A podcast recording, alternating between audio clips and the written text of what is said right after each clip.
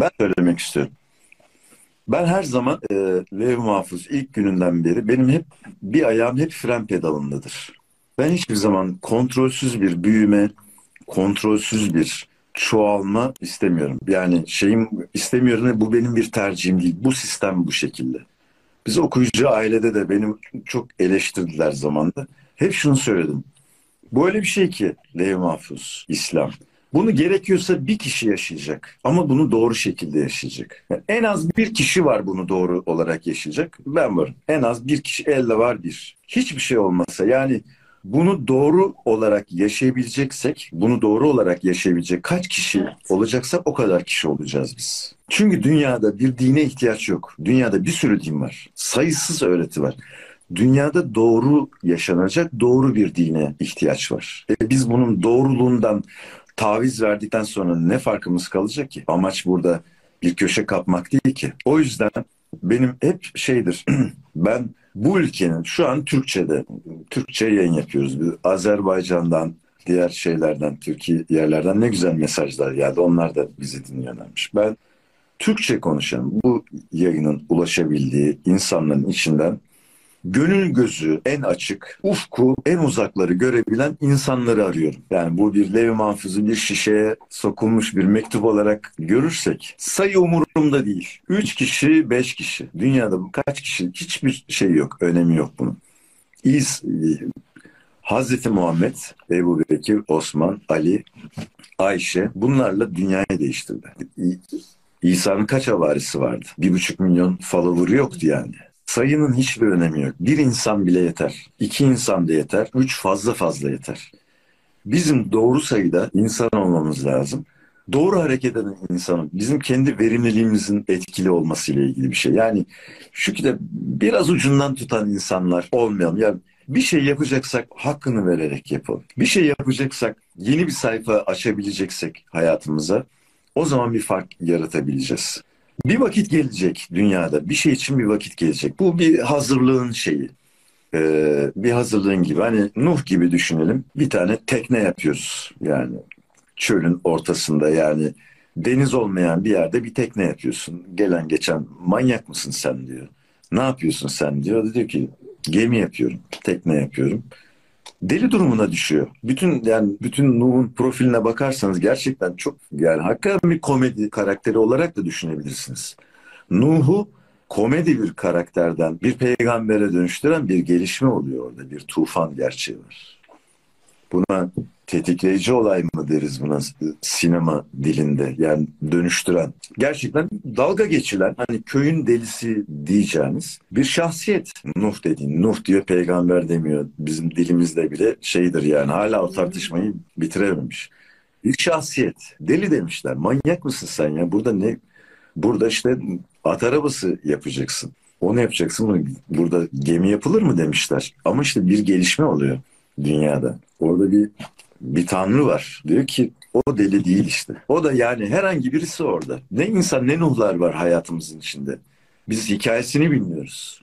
İşte Tanrı bizim hikayemize dokunduğu zaman bizim hikayemiz artık bütün insanların malumu olmaya başlıyor. Burada da bu geçerli. Şu an bazı insanlara da o kadar boş geliyordur ki burada konuşulanlar. Ben anlayabiliyorum yani. O kadar boş geliyor ki ya işte bir din günü diye bir şey olacak. Ondan sonra dünya bir şey yaşayacak. Aman bu da ne diyeyim? Çok normal. Ama bir gelişme olacak. Bir şey olacak. Ondan sonra anlayacaklar. Şu an şarapçı kılında, balıkçı kılında sohbetlerimize devam edeceğiz. Güç başkalarının ellerinde. En fazla bunu yapabiliyoruz. İşte ben yazabiliyorum bir de konuşabiliyormuşum. Onları yapabiliyoruz. Başka bizim yapabilecek şeyimiz yok. Ama bir şey olacak. O zaman işlerin rengi ne zaman olacak bu sence?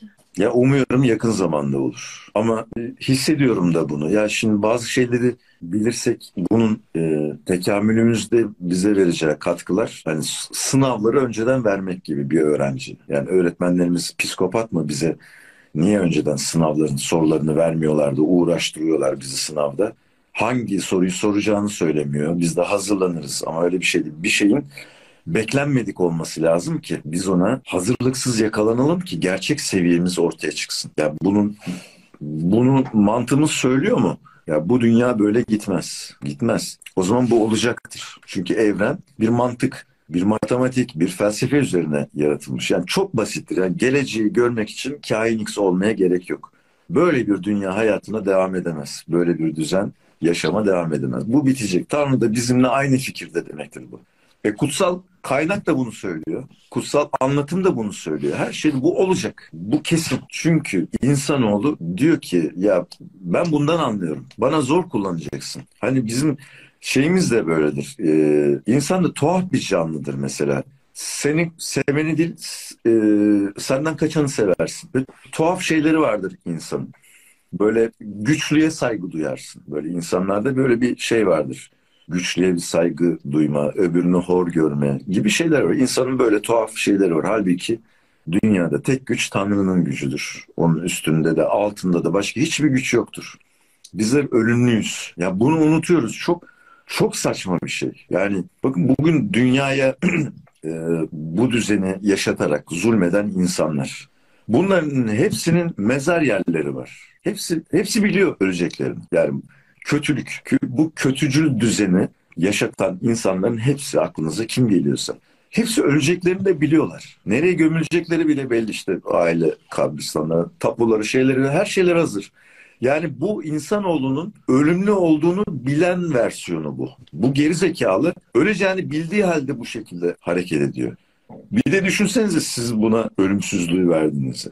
O zaman ne yapardı kim bilir? Bu ölümlü, hasta, anlatabiliyor muyum? Yani narin, eten bizim çok şey canlılarız. Böyle hassas canlılarız yani. Hemen elin kesiliyor, yırtılıveriyor. Yani hayvanlar bizden daha şeyler daha güçlüler. Biz bu kadar dayanıksız bir materyalden yapılmışız. Çok yetenekliyiz ama dayanıksız bir materyalden yapılmışız. Ölümlüyüz. Her anda ölebiliriz. Günümüz gelmese bile birbirimizi öldürürüz. Arabasına çarparız. Onu yaparız. Öyle de bir şeyimiz var. Bunu bildiği halde ölümsüzmüş gibi, bir tanrıymış gibi, bir firavunmuş gibi hayat sürüyoruz. E şimdi yani tanrının da sana ölümlü olduğunu hatırlatmaktan başka çaresi kalmıyor ki. Sen kabul etmiyorsun çünkü. Elinde bu güç nasıl bir şeyse, güç nasıl bir şeyse kimin eline geçerse buna yapışıyor ve bırakamıyor bunu. Para gibi. Zenginlik de böyle. Hani fakir şu işte zengin olduğunda o da aynı o sistemin parçası oluyor. Ya demiyor ki ben bu kadar parayı hak etmiyorum. Yani bu parayı aslında bölüştüren bir sistem olması lazım. Herkes sırasını bekliyor gibi. Güç de böyle bir şey. Ya buna Bertolt, bir yapışan elektrik Bertolt akımına kapılıyormuş gibi. Bunu... Ben şeyi vardır. Antigone'de tiyatroda kullandığı bir sözü vardır. Çok çok severim. Ee, iktidarın ve gücün tuzlu suyu tatlıdır. Tatlı gelir. O tuzlu suyu içen bir daha hiç bırakmak istemez. Hep içmek isterler. yani aslında tuzludur. Çok lezzetli değildir ama bir kez tadına vardığın zaman evet Böyle bir ya o yüzden hani politika öyle bir alan. Yani o kime güveniyorsan o da bir şey yapışacak ve o akım bırakamayacak elinden ama ne kadar az onun etkisinde kalırsa tabii ki o kadar iyi. Ama bu böyle bir şey. Böyle bir ya başka hiçbir yol kalmıyor Tanrı'nın önünde ve bu insanların e, defolarından da biz Tanrı'yı sorumlu tutmaya başlıyoruz artık. Yani e, diyor ki çözeyim o zaman. Nasıl çözeyim? E, din göndereyim diyor. Size doğru yazılımı göndereyim diyor. Bak diyor birbirinize giriyorsunuz diyor. Bu neden diyor? Sizde doğru yazılım yok diyor. Çok yeteneklisiniz. Hani hardware çok güzel ama yazılımınız eksik. Size bir yazılım göndereyim diyor. Gönderiyor. Yüklemiyorsun onu da. Kendi çarpıtmaya çalışıyorsun. O da olmuyor. Sonra diyorsun ki bu dünyayı niye böyle yarattın? E diyor ki ben sana cüzi irade tanıdım. Yani ben bir akvaryum gibi ben kuklacı değilim diyor. Ben bir kukla gibi sizi oynatsam o zaman diyebilirsin ki bu dünyadan ben sorumluyum. Ama ben külli iradeyim. Bir de cüzi irade diye bir realite koydum oraya diyor. Dolayısıyla burada isyan edeceğin kişi sensin. Kendi versiyonuna isyan etmek zorundasın diyor. Hem irade istiyorsun hem o tarafı sorumlu tutuyorsun. Yani başka bir seçenek bırakmıyor insanoğlu. O yüzden bu dünyada hani hiçbir şey ideal olamaz.